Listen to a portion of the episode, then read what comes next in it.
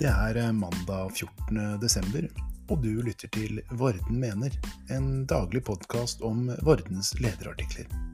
Jeg heter Tom Erik Thorsen.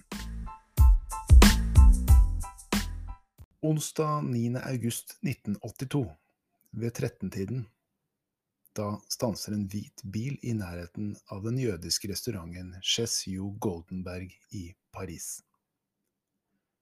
Fire menn i lyse sommerdresser stiger ut av bilen. En av dem kaster en håndgranat inn i kafeen. To skyter vilt rundt seg med automatvåpen. Infernoet pågår i noen minutter, og når terroristene trekker seg tilbake, er seks personer drept. 22 er skadet. Aksjonen blir betegnet som mest, det mest omfattende angrepet på jøder i Frankrike siden andre verdenskrig. Fredag 4. desember i 2020 ble Abu Sayed fraktet med fly fra Norge til Frankrike. Den nå 62 år gamle mannen fra Skien er utlevert til Frankrike, tiltalt for udåden i Paris. Vi vet ikke om Skiensmannen spilte en rolle i aksjonen. Selv benekter han enhver befatning med saken. Det vi imidlertid vet, er dette. Fransk politi klarte aldri å ta terroristene i 1982, men mistenkte at Abu Nidal-organisasjonen sto bak. Til tross for at det ikke var mulig å koble enkeltpersoner til saken, ville ikke franske påtalemyndigheter legge den bort.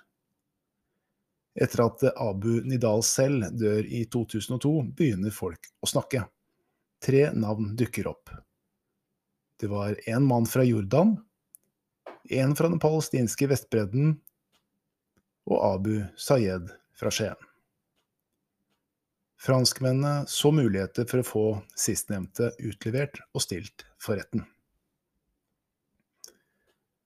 I 2015 blir Abu Sayed pågrepet i Skien men løslatt relativt raskt. Det er nemlig ingen lovhjemmel for å utlevere ham til Frankrike.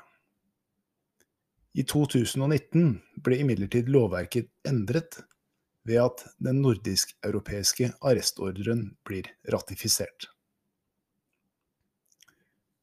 Dette innebærer en stor og viktig endring. Ordningen erstatter det tradisjonelle utleveringssystemet og det er domstolene og ikke departementet som skal vurdere om det er grunnlag for utlevering. Selve mistankegrunnlaget skal ikke vurderes rettslig. Det er kun vilkårene om utlevering og hvorvidt de er oppfylt.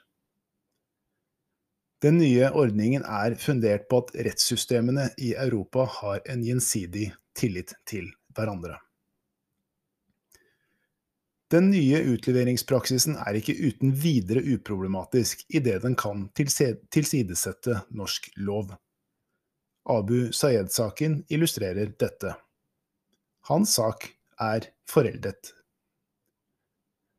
Pårørende og ofrene etter terroraksjonen i 1982 har antagelig en helt annen oppfatning. De har ikke fått svar. Det kan de få nå. Det er også ganske sikkert at omfanget av utleveringer vil øke, som igjen øker risikoen for at uskyldige borgere av ett land blir utlevert til et annet. Men kriminaliteten kjenner ingen grenser. Domstolene og rettsvesenet må ha sine skranker, men utvidet samarbeid over landegrensene kan bidra til å avklare flere saker. Enten det fører til dom eller til frifinnelse.